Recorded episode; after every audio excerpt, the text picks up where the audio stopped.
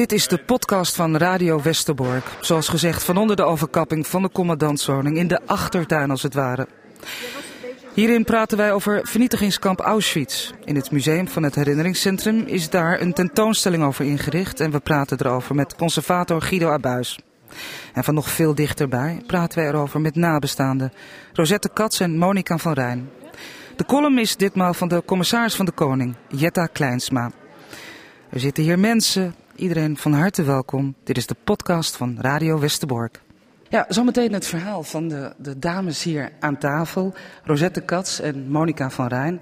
Ja, verhalen die maar moeilijk te bevatten zijn. En uh, om een en ander eerst even neer te zetten, zoals dat heet, praat ik uh, eerst met Guido Abuis, conservator van herinneringscentrum Kamp Westerbork.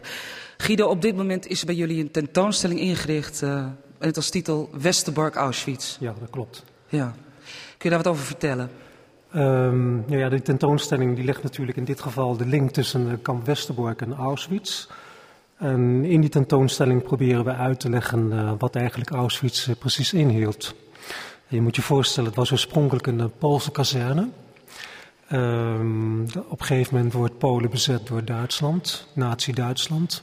En die kazerne wordt dan gebruikt om Poolse politieke gevangenen maar ook willekeurig opgepakte mensen op te sluiten. Dus al snel wordt het omgeven met wachttorens en prikkeldraad dat onder stroom staat. En dat is dan het begin. Um, en eigenlijk zou je kunnen zeggen van een Poolse kazerne wordt het een oord van verschrikking. Um, dat heet dan Auschwitz I, die Poolse kazerne. Dat wordt op een gegeven moment wordt het uitgebreid met Auschwitz II Birkenau. Dat is een complex drie kilometer verderop. En dat uh, 175 hectare groot. Um, met 350 barakken, een enorm complex waar op een gegeven moment duizenden naartoe worden gebracht, vooral Joden uiteindelijk. En dan wordt het nog verder uitgebreid naar Monowitz uh, en dan komen nog allerlei ja. bijkampen erbij. Dus het is een enorm immens complex waar duizenden mensen ondergebracht worden ja. uh, om te werken, maar ook vooral om vernietigd te worden. Wat van belang is om te weten is dat Westerbork een van de plekken in Nederland is van waaruit treinen naar Auschwitz vertrekken. Ja, in totaal zijn vanuit Westerbork 63 treinen naar Auschwitz vertrokken. En twee vanuit Vught en één vanuit het Apeldoornse Bos. Een, uh, een instelling voor geestelijk gehandicapten, Joodse geestelijk gehandicapten. Dus in totaal 66 transporten vanuit Westerbork naar Auschwitz. Dus je zou kunnen zeggen dat het grootste gedeelte van de Nederlandse Joden uiteindelijk in Auschwitz zijn vermoord. Zometeen uh, praten wij verder over Auschwitz en over de tentoonstelling. Maar ik begin nu eerst uh, met u, mevrouw Katz, Rosette Katz. Met uw permissie ga ik even terug naar 1942, het jaar waarin u bent geboren. En ook het jaar uh, waarin u ja, al dan niet bewust daarvan afscheid nam van uw ouders. Want u bent met acht maanden ongeveer. Ja, ja dat was 43. 43. U bent naar een ander gezin gebracht, een pleeggezin. Precies. Nadat ik geboren was, zijn mijn ouders met mij in de onderduik gegaan. En we hebben een reis gemaakt eigenlijk door Nederland. Uh, van het ene adres naar het andere, wat nogal bijzonder was. Omdat uh, het hebben van een baby in een tijd dat er nog geen pampers bestonden, dat was natuurlijk een extra gevaar. Want luiers moeten gewassen en gedroogd worden. En doe dat maar eens in de onderduik. Dus we gingen naar Vaals op weg. En het bijzondere was dat we van het ene adres naar het andere steeds hulp kregen. Het was een soort ketting. In Vaals hebben we een tijd uh, ondergedoken gezeten bij de oudste broer van mijn moeder die daar woonde. Maar doordat mijn luiers ontdekt werden aan de waslijn, want daar mochten ze buiten hangen, omdat er, men dacht dat het daar niet uh, gevaarlijk was. Er was geen huis van waar je in de tuin kon kijken en een dichte haag om de om de tuin heen en dat soort dingen, maakte dat mijn luiers daar buiten mochten hangen. En er kwam een dorpeling waarschuwen dat hij ze gezien had.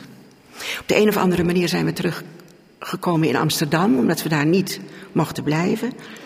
En daar, omdat we kwamen bij een ongehuwde vrouw, die dus niet een kind kon hebben voor de buurt, die haar kende als ongehuwd, uh, moest ik weg.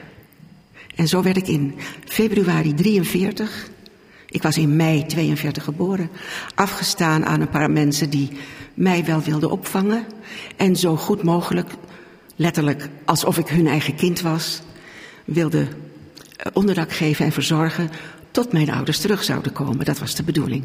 Ja. U, uh, u heette Rita toen, hè?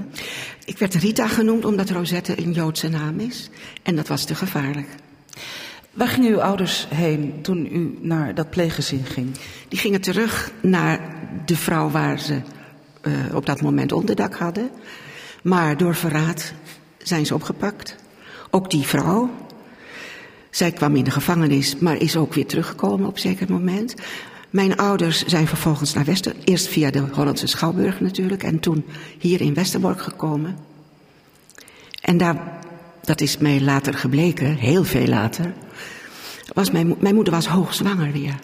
En hier in het ziekenhuis van Westerbork, toen het grootste van Nederland, heeft zij het leven geschonken aan mijn broertje Robert. Ja, die ik helaas nooit heb leren kennen. Want het kind was. Uh, het kindje had een infectie aan zijn duimpje.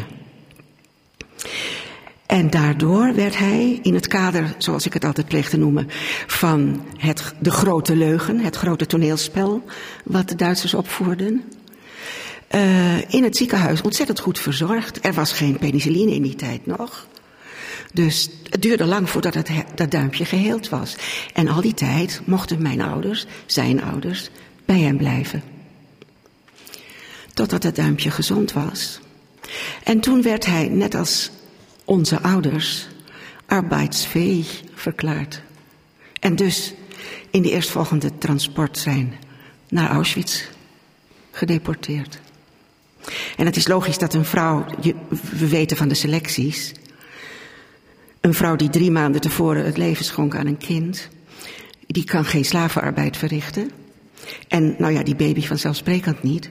Dus mijn moeder en mijn broertje hebben de dag van aankomst uh, de avond niet gehaald. Mijn vader wel, dat was een sterke jonge man. En die heeft, wat we achteraf kunnen zeggen, de geplande vier maanden slavenarbeid overleefd.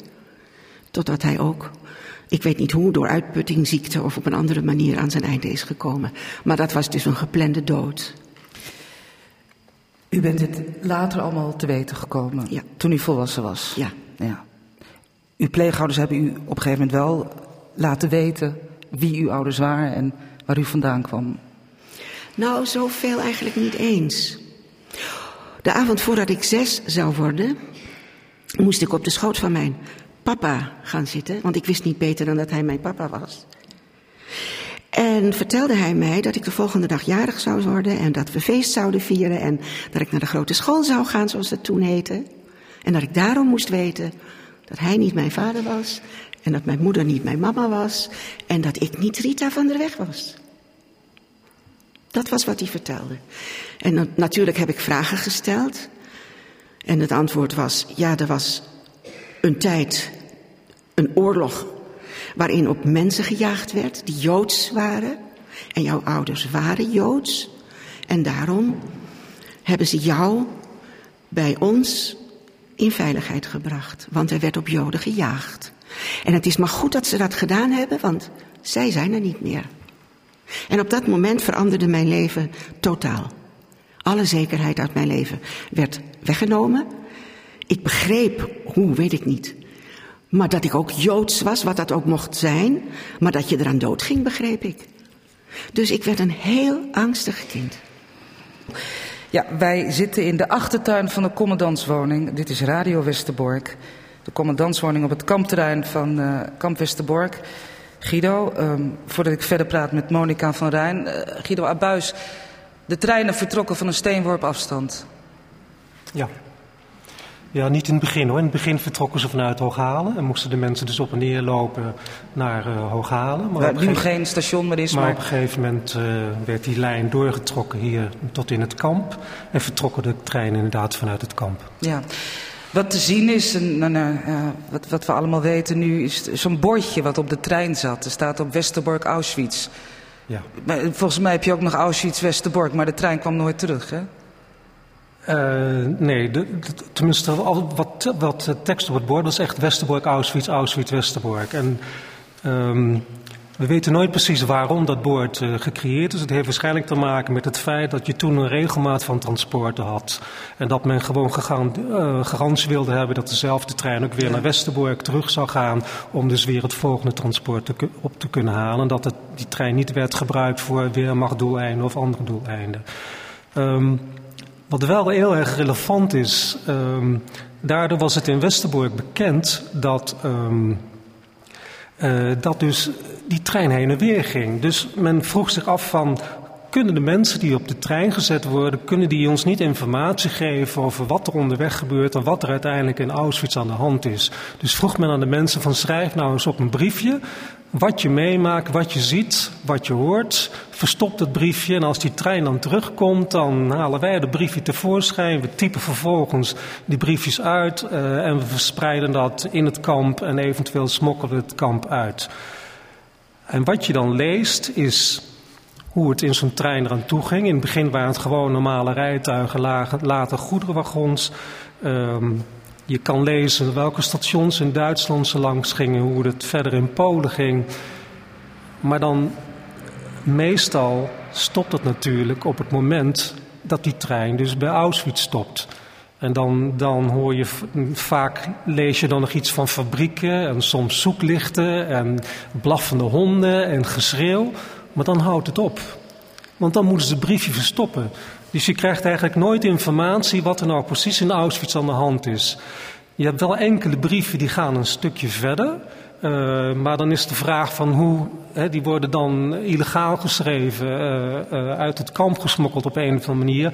Maar dan, dan komt het maar in beperkte handen in Nederland. Dus dan kan het nooit zo verspreid worden. Het is niet de sociale media van nu die heel, berichten heel makkelijk verspreidt. En je hebt dan bepaalde acties, de zogenaamde briefactionen, dat, dat uh, kampgevangenen mogen dan een brief schrijven naar familieleden, maar dat is dan heel erg gecensureerd. Dus dan mogen ze opschrijven van ja, het is hier wel goed, we, kunnen, we werken hier en wil je een pakketje sturen. Het is maar niet het zegt niks over het kamp. Aan tafel uh, uh, ook uh, Monika van Rijn, Franken. u bent geboren in 1950 ja. als dochter van het Joodse echtpaar Frits Franken en Hetty Davidson. En uw ouders hebben de oorlog overleefd. Klopt. En ze zijn in meerdere concentratiekampen geweest. Het is Klopt. een ongelooflijk verhaal. Kunt u, kunt u er iets over vertellen? Ik zal denk ik beginnen dat mijn moeder is in negen kampen geweest in totaal. En mijn vader in zes of zeven, dat heb ik niet helemaal zeker, ben ik niet zeker van. Um, mijn moeder is uh, gestorven in 2015 en heeft me heel veel verteld over de oorlog. Ik heb uh, films gemaakt en, uh, veel van die interviews opgeschreven. En ik verwerk ze ook in mijn kunst. En dat zeg ik erbij omdat ik uh, heb het kunnen opbrengen vanwege een kunstmonument die ik maak. Maar zij waren samen opgepakt twee keer. De eerste keer mochten ze weer naar huis. Het was een vreselijk verschrikking. Tweede keer uh, was in juni 43 waren ze opgehaald. En de eerste kamp waar ze gingen was Vught. En later zijn de mannen op transport gezet voor Auschwitz. En de vrouwen wisten dat niet. Dat was op dezelfde dag nog niet aangekondigd, maar er werd gefluisterd dat de mannen gingen weg. En veel en veel later hebben ze elkaar teruggevonden als enige van hun beide gezinnen. Mijn moeder daarentegen had verhalen. En over Auschwitz heb ik heel veel te vertellen, want zij kon dat heel mooi verwoorden. Um, zij vertelde dat uh, ze was in de Philipsgroep, voor sommigen een heel bekende groep, in Vught. En dat waren 400 vrouwen die eh, van de een op de andere dag op transport moesten, omdat de Duitsers al een beetje in de gaten hadden dat ze aan het verliezen waren en bewijs moest weg. En die transport heeft vier dagen geduurd, zonder eten, drinken, wc's. En uh, helemaal smerig kwamen ze aan en ze roken mensenhaar. En dat was het meest, het, het, doordrong haar dat dit de laatste stadion was. En in Auschwitz uh, hebben ze de twee treinen, haar trein en de trein van Hongaren stond tegenover elkaar. En sommige mensen konden communiceren via op elkaars schouders te klimmen en door de tralies te praten. En die hele groep mensen uit de Hongaarse trein werden eerder verlost en gingen rechtstreeks naar de gaskamers, want de vlammen gingen heel hoog in de. En mijn moeder was helemaal verstijfd van angst. Uh, ze is daarna uh, eruit geleid en heeft uh, naakt moeten staan op appel met de groep. En met 400 zoveel mensen aangekomen zijn ze met 150 weggegaan. En mijn moeder is in Auschwitz tot haar dood veroordeeld. Wil je dat weten, hoe dat ging? Dat vind ik het meest mooie verhaal. Van dan, want als mijn moeder niet haar eigen leven in eigen hand had genomen, was ik er niet. Wat ze deed was, ze stond in een hele grote kamer met uh, Duitse mensen achter, de nazi's achter de, een tafel, een soort panel, en die besloten en selecteerden. En mijn moeder werd gestuurd naar de achterkant van de zaal, waar ze al heel gauw door had dat ze niet moet staan, want iedereen om haar heen was of oud of ziek. Ze kreeg allemaal een thermometer in hun mond gestopt en ze had hoge koorts. Ze had kleding aan die veel te groot was voor haar. Ze zag er niet goed uit, terwijl, even nadenken hoe oud ze was, uh, eh, 22. En daar is ze uh, bewust van geworden dat ergens in die grote zaal, die gescheiden was door touw, waar rijen in stonden, dat aan de linkerkant zeg maar van de zaal de tatoeages werden gegeven. En toen dacht ze gewoon, daar moet ik zijn, want die mensen gaan niet dood. Dus ze wist niet hoe ze daar zou komen. Toen was er ineens uh, commotie en lawaai en iets gebeurde aan de andere kant van de zaal, waardoor iedereen keek en reageerde, inclusief de bewaking. En zij zag haar kans om onder de touw weg te gaan en naar die richting van de kamer te lopen. Alleen, daar was ze nog niet toen ieder, iedereen terugkeek. Toen kwam er een vrouwelijke uh, bewaker met een geweer die haar duwde en zei in de, toevallig in de goede rij. Ze kreeg vervolgens haar nummer 78323 op haar linkerarm. En toen is zij eh, de zaal uitgeleid en ze keek om en zag iemand achter in de zaal waar die waarschijnlijk die dag is doodgegaan.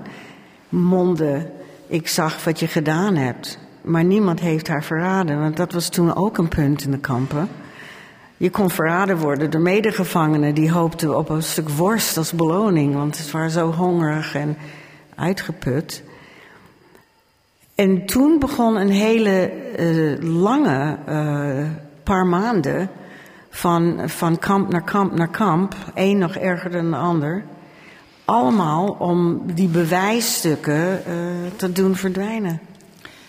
Dit is Radio Westerbork. We zitten aan tafel met Rosette Kats en Monica van Rijn. Ik kom nog even op, op u terug, mevrouw van Rijn. Um, dat uw ouders al die kampen hebben overleefd, dat is.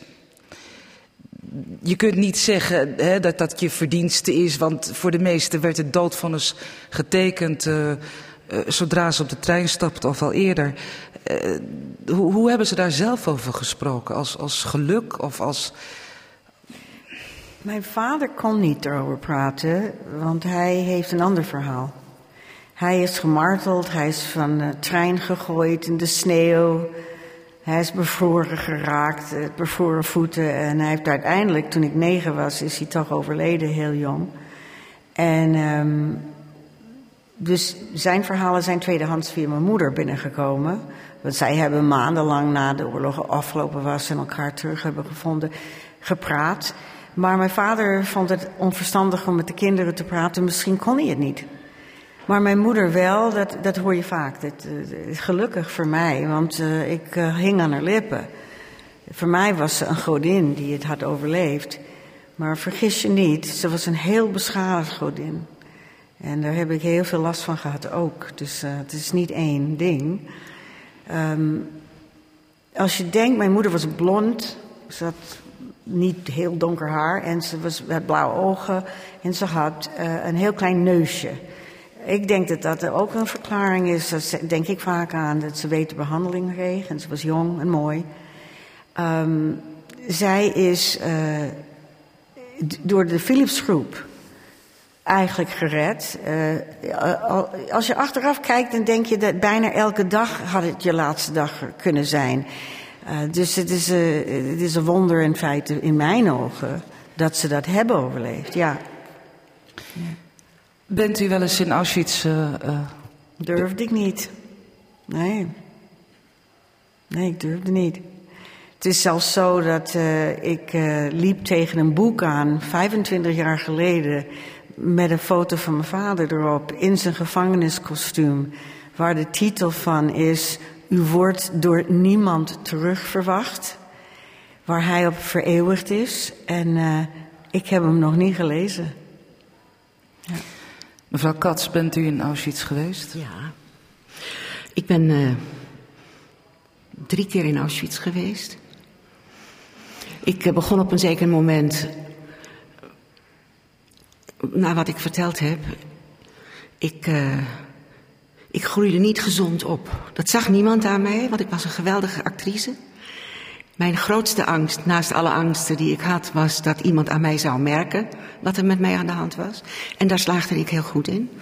Maar op een bepaald moment, als je zo groter wordt, dan, uh, nou, dan gebeurt er toch iets met je. En ik wilde naar al die plekken waar ze misschien. Want ik wist niet waar ze vermoord waren. Ik wilde naar al die plekken toe om misschien ergens te zijn waar zij ook geweest waren. Dat begon hier in Westerbork. Toen had ik al kinderen. Ik weet niet in welk jaar het was, maar het centrum bestond nog niet op die manier, zoals het er nu bij staat. Dus het is lang geleden. En uh, ja, ik ben reizen gaan maken. Ik ben naar uh, Auschwitz geweest een paar keer. En vervolgens, doordat ik ook toetrad tot de stichting Sobibor, heel vaak daarheen. Ja, maar dat heeft mij niet gebracht wat ik hoopte. Dat was gewoon een wanhopige poging om iets te vinden wat niet te vinden is, zonder dat je naar de archieven gaat of naar de bibliotheek. Of, en dat was nou juist wat ik niet kon. Door mijn gestoord zijn, zeg maar. Dat was op school ook al gebleken. En ik was heus niet een dom kind, maar van de geschiedenislessen kon ik niets opnemen. Als het over de Tweede Wereldoorlog of over de Jodenvervolging of wat ook ging. Dat begon al in die tijd. En ik kon ook niet zelf naar de boeken en naar uh, het archief of naar het, uh, het NIOD, wat toen nog anders heette. Doet het niet toe. Um, dat, dat kon ik niet. Dus ik deed het op die vreemde manier. Totdat ik eindelijk in therapie ben gegaan. Maar toen was ik wel al over de 50. Een half, meer dan een half leven mocht ik 100 worden. Heb ik uh, verspild op die manier. Geleden zonder dat iemand dat aan mij kon merken. En zonder dat dat ook in mijn dagelijks leven uh, naar buiten kwam. Ja, dat is natuurlijk hetzelfde. En die therapie heeft u wel gebracht op ja, de plek ja. waar u al die tijd eigenlijk misschien naar op zoek was? Ja, ik, ik wist niets. Ik had één oom. Mijn moeder was een kind van zes kinderen. Eén uit een grote familie dus. En alleen haar oudste broer had het overleefd. Die was mijn voogd na de oorlog. Ik was vaak elk jaar daar een vakantietje te gast. En toen ik zo'n puberleeftijd begon te krijgen, begon ik hem vragen te stellen. Want thuis kreeg ik ze niet, want ze wisten niets. Ze konden mij niets vertellen over mijn ouders. En hij gaf geen antwoord. Hij bedacht de ene smoes naar de andere. En ik, die mij in extreme mate had geleerd aan, me aan te passen aan alle omstandigheden, die nooit nee durfde te zeggen, altijd ja riep. Of elke, elke vraag die mij gesteld werd, ging ik positief op in, uit angst niet mee te mogen doen. Dus toen mijn oom geen antwoorden gaf, jaar in jaar uit, dacht ik, ja, ik mag niets vragen en ik stopte. Nou, hij was gestorven. Ik ging naar zijn weduwe, mijn tante, die niet joods was. En ja, ik ben, dan moet ik iets anders vertellen als ik daar tijd voor heb.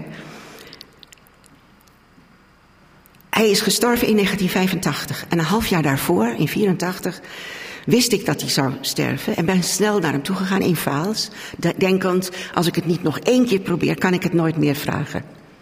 En zo gebeurde het en opnieuw kreeg ik geen antwoord, dat kon ik kennelijk niet, maar Hij haalde een tas tevoorschijn die ik nooit gezien had, uit een kast die ik nog nooit open had gezien, met een sleuteltje dat aan zijn broek vastzat. Een sleutelbos. En uit die tas, waar ik niet aan mocht komen, haalde hij een album en knipte met een schaar één foto eruit. Dat was de trouwfoto van mijn biologische ouders. En je begrijpt dat ik daar lang naar keek. Toen ik dus opkeek, het was zo'n ansichtkaartmodel, was die tas alweer weggeborgen. En ik dacht, oké, nu weet ik dat die er is en waar die is en nu kan ik nog wel even wachten. En toen hij dood was, een half jaar later, was ik toch nog te beschaafd om meteen naar mijn tante toe te gaan en te zeggen, nou wil ik die tas zien. Dus daar wachtte ik vrij lang mee, totdat ze zelfs verhuisd was naar een bejaardenoord. En toen ben ik naar haar toe gegaan en vroeg om die tas die ze me niet kon geven, want ze had hem niet meegenomen. Immers, niemand had daar ooit naar omgekeken. En toen stortte ik in en ging in therapie. Dat was de druppel geweest die mijn emmer had doen overlopen. Een emmer die ik denkbeeldig in mijn lijf meedroeg, waar ik alles in stopte, waar ik niet mee kon omgaan. Die dus al boordevol zat. Die zat meer dan vol. Uiteindelijk heeft u dat album wel. Uiteindelijk, ja. Ja. Van, ja, goed. We praten zo meteen nog samen verder aan tafel. Ik ga nu eerst uh, een gast aankondigen die wij uh, vandaag voor het eerst hebben in de uitzending. u weet, we hebben een column. dat is Dirk Mulder, Ad van Liemt. En vandaag is dat Jelle Jetta Kleinsma, oftewel Jetta Kleinsma, geboren in Hogeveen, commissaris van de Koning in de provincie Drenthe. Dat er al een enorme bestuurlijke carrière op zat daarvoor. En uh, wat eigenlijk ook niet onbelangrijk is, u bent historicus, mevrouw Kleinsma. Welkom, fijn dat u er bent. Hartelijk dank. Ja, het is wel heel bijzonder om hier te zijn en ook om deze verhalen te horen van de beide gasten aan tafel. Want misschien beseffen wij wel veel te weinig wat het ook betekent voor generaties na de Tweede Wereldoorlog. Ik vind het zo indringend wat de beide vrouwen hier vertellen. Hoe je leven zozeer, natuurlijk, uh, wordt beklemtoond door datgene wat je ouders hebben meegemaakt. Het geldt voor ons allemaal. Onze ouders zijn voor ons allemaal belangrijk. Maar als je ouders in de Tweede Wereldoorlog gewoon op deze manier uh, of gestorven zijn of trauma's hebben opgelopen waarmee jij ook weer behept wordt, ja, dat is natuurlijk heel intens. Um, mevrouw Kleinsma, ik zou u willen vragen om, uh, om uw column ja, voor te lezen. Ja, want kijk, uh, ik werd gevraagd om hier een kort verhaal te komen vertellen. Uh, en dan denk je natuurlijk bij jezelf, ja, wat heb ik nou met Westerbork? Hè? Um, dus uh, daar ben ik nou gewoon eens over gaan nadenken. En dat heeft tot het volgende geleid.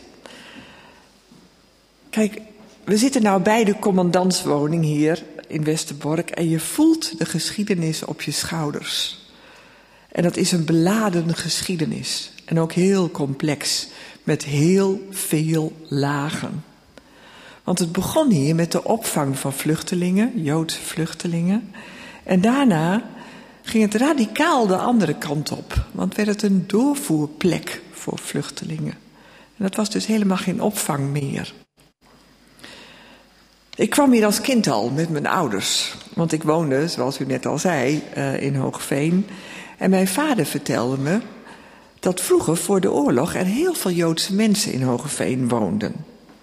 En dat na de oorlog er bijna niemand meer teruggekomen was.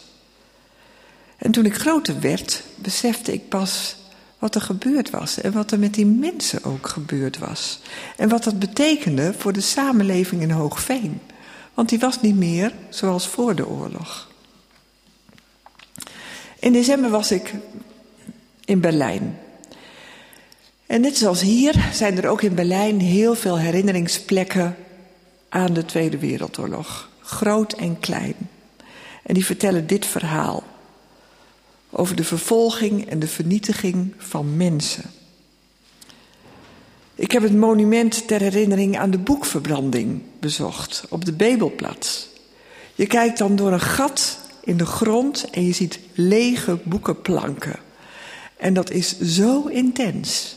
Want al die boeken zijn verbrand omdat andersdenkende mensen in Duitsland niet meer welkom waren. Ik ben in Grunewald geweest, een heel klein stationnetje in een gegoede wijk van Berlijn. En op dat stationnetje zie je per biels hoeveel duizenden Joodse mensen zijn weggevoerd naar Theresienstad, naar Auschwitz. Per steen staat dat aangegeven. Per dag werden systematisch honderden mensen daar in die treinen weggevoerd naar vernietigingskampen. En die systematiek is iets wat mij het meest bij mijn strot grijpt, zou ik willen zeggen. Want als je denkt aan die villa bij de Wanzee, waar de naties bij elkaar zaten en heel diep nadachten over die planmatige uitroeiing van een bevolkingsgroep in Europa, dan wordt het je koud om het hart. En wat is het belangrijk dat plekken als deze blijven bestaan en dat verhalen doorverteld worden. Ik vind het ook zo dapper van u beiden dat u dat doet, want het moet, ook voor jonge mensen. En gelukkig blijken die jonge mensen behoefte te hebben aan plekken om te herdenken en aan plekken om te herinneren. En dat herdenken gaat natuurlijk met zijn tijd mee. Ik denk aan de 4 mei-herdenking van vorig jaar hier in Westerbork, waar ik bij mocht zijn. En samen met duizenden mensen eh, echt die intensiteit van de dodenherdenking onderging. En Claudia de Brij zong daar haar prachtige nummer, Mag ik dan bij jou? Dat nummer op dat moment en op deze plek kreeg zo'n lading. Mag ik dan bij jou schuilen als het nergens anders kan? En als ik dan moet huilen, droog jij mijn tranen dan? Kijk, daar gaat het over. Als het nergens anders kan, wie zet dan zijn deuren open? Dat deden ze bijvoorbeeld in het verzetsdorp Nieuwlanden. Daar zetten mensen hun deuren open. En heel veel levens werden daardoor gelukkig gered. De geschiedenis van kamp Westerbork begon als opvanglocatie voor gevluchte Duitse en Poolse Joden. En daarna werd het wrang genoeg het doorgangskamp naar plekken waarvan zoveel nooit meer terugkwamen. En de namen van al die veelal Joodse mensen zijn opgetekend en hier in het herinneringscentrum aan de wand gehangen, een half jaar geleden. Ook ongelooflijk indrukwekkend. Na de oorlog werden de deuren van het kamp opengezet voor de Molukse knielmilitairen en hun families. En er ontstond hier in Drenthe een hechte Molukse gemeenschap die na het sluiten van het woonoord een plek, plek zocht en ook kreeg in onze Drentse samenleving. Ook dat is een onderdeel van de geschiedenis van deze plek. En ook die geschiedenis mag niet vergeten worden. En natuurlijk is het ingewikkeld om die complexe geschiedenis op passende wijze te bewaren, te herdenken en door te vertellen.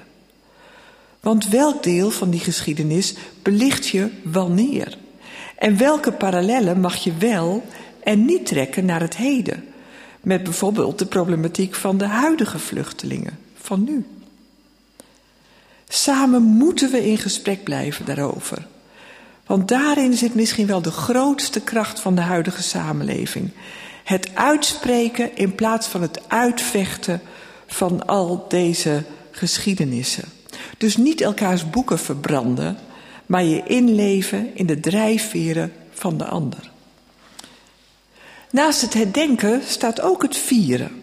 Volgend jaar vieren we dat Nederland 75 jaar geleden werd bevrijd. Of eigenlijk, beter gezegd, we vieren dat we al 75 jaar in vrijheid kunnen leven.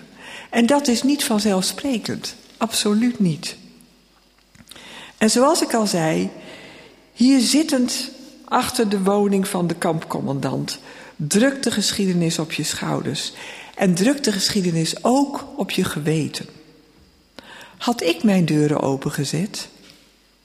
Natuurlijk hoop ik dat ik dat ook gedaan zou hebben, maar zeker weten doe ik het niet, als ik heel eerlijk ben. Daarom is het zo belangrijk om Kamp Westerbork te koesteren. We moeten onszelf deze fundamentele vragen durven blijven stellen, want iedereen wil graag een plek waar je kunt schuilen als het nergens anders kan. Um, dit is Radio Westerbork. Het is negen minuten voor vier. We zitten hier aan tafel in de achtertuin van de commandantswoning. Ik blijf het maar zeggen, want het is niet zomaar een plek. Ervaren jullie dat ook zo, mevrouw Katz? Ja? Ja, het is heel bijzonder om hier te zitten. Te weten wat zich hier heeft afgespeeld. En dat het nu een, een zaal is hier. Het is heel onwerkelijk. Ja, heeft u dat ook, mevrouw Van Rijn? Jazeker. Ja? ja. Het, uh, de, de tijd doet geen recht meer aan jullie verhaal. Toch vraag ik het. Um, u, u heeft leren ermee om te gaan, bijvoorbeeld door therapie. Um, Monika van Rijn, u bent uh, in de kunst uh, actief geweest met uw verleden en dat van uw ouders, hè? Ja, ik wil het, dat is goed dat u het vraagt, want ik vind dat voor mij dat zo'n belangrijke uitlaatklep. En ik heb meer kunstenaars gesproken die een achtergrond hebben waar problematiek in zit en waar je machteloos in bent om te verwerken. En therapie is mij ook nodig geweest hoor, diverse keer in mijn leven, om door uh, dip te komen. En kunst is een enorme hulp. Het uh, eerst schrijven, vijf jaar bij Joods maatschappelijk werk, uh, schrijf je eigen le levensverhaal zit ook heel veel in, dat is goed. Ja, en wat jullie allebei doen is vertellen. Nou, we hoorden net mevrouw Kleinsma al zeggen hoe belangrijk het is. Sterker nog, het moet. Um, dat blijven jullie ook doen? Vertellen, mevrouw Katz? Zolang ik het kan en zolang ik niet gewaarschuwd word dat ik het niet meer goed genoeg doe. Ja, nou ja, vorige week was hier Ernst Verduin nog. Hij is in de negentig, hij heeft vier kampen overleefd. En Guido, hij nam toen afscheid hè, van, het, ja. van het gastspreker uh, zijn. Ja. Hij vindt het wel genoeg zo. Ja, Hij heeft het jarenlang gedaan. Uh. Ja, en dat is iemand die het zelf heeft meegemaakt. U bent natuurlijk tweede generatie. Ja. Zij is wel eerst? Ja, eerst, neem me niet kwalijk. Um, dat zeg ik verkeerd. Denken jullie wel eens over na hoe dat na jullie uh, gevolg gaat krijgen? Ja, wij hebben uh, regelmatig als gastssprekers hier vanuit het steunpuntje Westerbork bijeenkomsten. En uh, daarin is ook echt met elkaar nagedacht over hoe we het verder oppakken en laten doorgeven. En uh, ik was er wel voor dat verhalenvertellers dat zouden kunnen doen, maar ik geloof dat besloten is dat dat niet gaat gebeuren. Heb ik dat goed gelezen? Geen verhalenvertellers, Guido, maar... Dat het niet door professionele verhalenvertellers of acteurs... Nee, dat nog niet. Nee. nee. Maar in ieder geval, daar wordt heel hard over nagedacht. Ja. ja. En het is ook nog uh, ontzettend hard nodig. Oh, zeker. Misschien zeker. steeds meer. Ja. Ja? Ja. Ik zou het fijn vinden om er nog even aan te mogen toevoegen dat ik uh, dan weliswaar niet met de kunst en ook niet alleen met therapie uh, een goed leven heb kunnen opbouwen. Maar door me in te zetten voor dit werk. Ja. Door iets met de herwonnen geschiedenis voor mijzelf te doen. Dat is zo belangrijk geweest. Dus het spreken, dat, uh, dat doe je om verhalen door te geven en om de werkelijkheid uh, door te geven. Maar ik heb gemerkt hoe belangrijk het ook voor mezelf was en is. Ja. Ja, ik, uh, ik hoor dat. Ik vind het ook. Uh, het zijn niet te bevatten verhalen. En zelfs het woord verhaal doet alweer geen recht, want het is allemaal echt gebeurd. Hè? Ja. Maar als je het vertelt op de manier zoals wij dat. waartoe wij dus in staat worden gesteld door onder andere het steunpunt. Uh, zoals wij dat dan doen. dan heb je grip op wat, er, wat je vertelt. En je hebt grip op de geschiedenis van jouw verhaal. En dat zorgt dat je niet meer in de slachtofferrol staat. En dat is zo belangrijk. Want heel veel mensen die daar niet uitgekomen zijn, uit die slachtofferrol, ja, die worden ziek. En die eindigen in therapie en daar blijven ze in. En. En ik ben ongelooflijk dankbaar dat ik daar uitgekomen ben en nu doe wat ik zelf graag wil en waarvan ik zelf denk dat ik het goed kan. Wat fijn dat jullie er waren vanmiddag. Guido, die, uh, ja, die, die, zit, die zit er nu bij. Die kijkt er naar Guido. Ik wil Hun verhalen zijn het belangrijkste. Ja. En, en wij, wij we leggen ze vast, we verzamelen ze en vertellen ze op, uh, ook op allerlei manieren. En dat doen zij ook, maar zij spreken uit eigen ervaring. Ja. Daar gaat het vooral om. Ja. Wil toch nog even de laatste twee minuten met jou praten over die tentoonstelling. Die is nu te zien. Ja. Uh, voorlopig nog even. Tot 5 mei. Ja, hoe hebben jullie uh, ja, kort door de bocht vormgegeven? Ook met verhalen, met, met voorbeelden, met voorwerpen? Ja. En... Nou ja, het, het, verhaal wordt verteld, het wordt verbeeld. Uh, zeg maar, en die verbeelding is vooral de, de, plek zoals het nu eruit ziet. Zowel Auschwitz 1 als Birkenau. Uh, het treinboord is zichtbaar en vooral uh, de brieven die, uh, die spreken natuurlijk. En misschien moet ik gewoon even ter afsluiting een stukje uit een brief voorlezen. Ik denk dat dat wel een goede afsluiting is. En ehm, dat, iemand die schrijft dan, hè, die is dan onderweg in een, op, op weg naar Auschwitz. En dan zegt, schrijft hij: Gisteravond mochten twee personen uit onze coupé water halen. Vele kleine plaatjes rijden we voorbij. Bremen ook al. De nacht was naar. Haast niet geslapen, af en toe ingedommeld. Onder het rijden staan de ramen open. Dat is lekker fris. Alle mensen zijn erg rustig. Als je aan thuis denkt, is het wel verdrietig, maar dan troost het me maar met de gedachte vader en al die anderen te ontmoeten. En dat maakt het zo, zo bizar dat mensen vanuit gingen hun familieleden daar weer terug te kunnen zien. En dan kan je nagaan wat een enorme mentale klap het was toen ze realiseerden wat Auschwitz-Birkenau werkelijk inhield. Guido, uh, tentoonstelling, even heel praktisch. Tot wanneer is die? Tot en met 5 mei. Ja. Je luisterde naar de podcast van Radio Westerbork. Luister ook eens naar onze andere podcasts, die van Drenthe Toen bijvoorbeeld, of van Cassata. En laat eens weten wat je ervan vindt.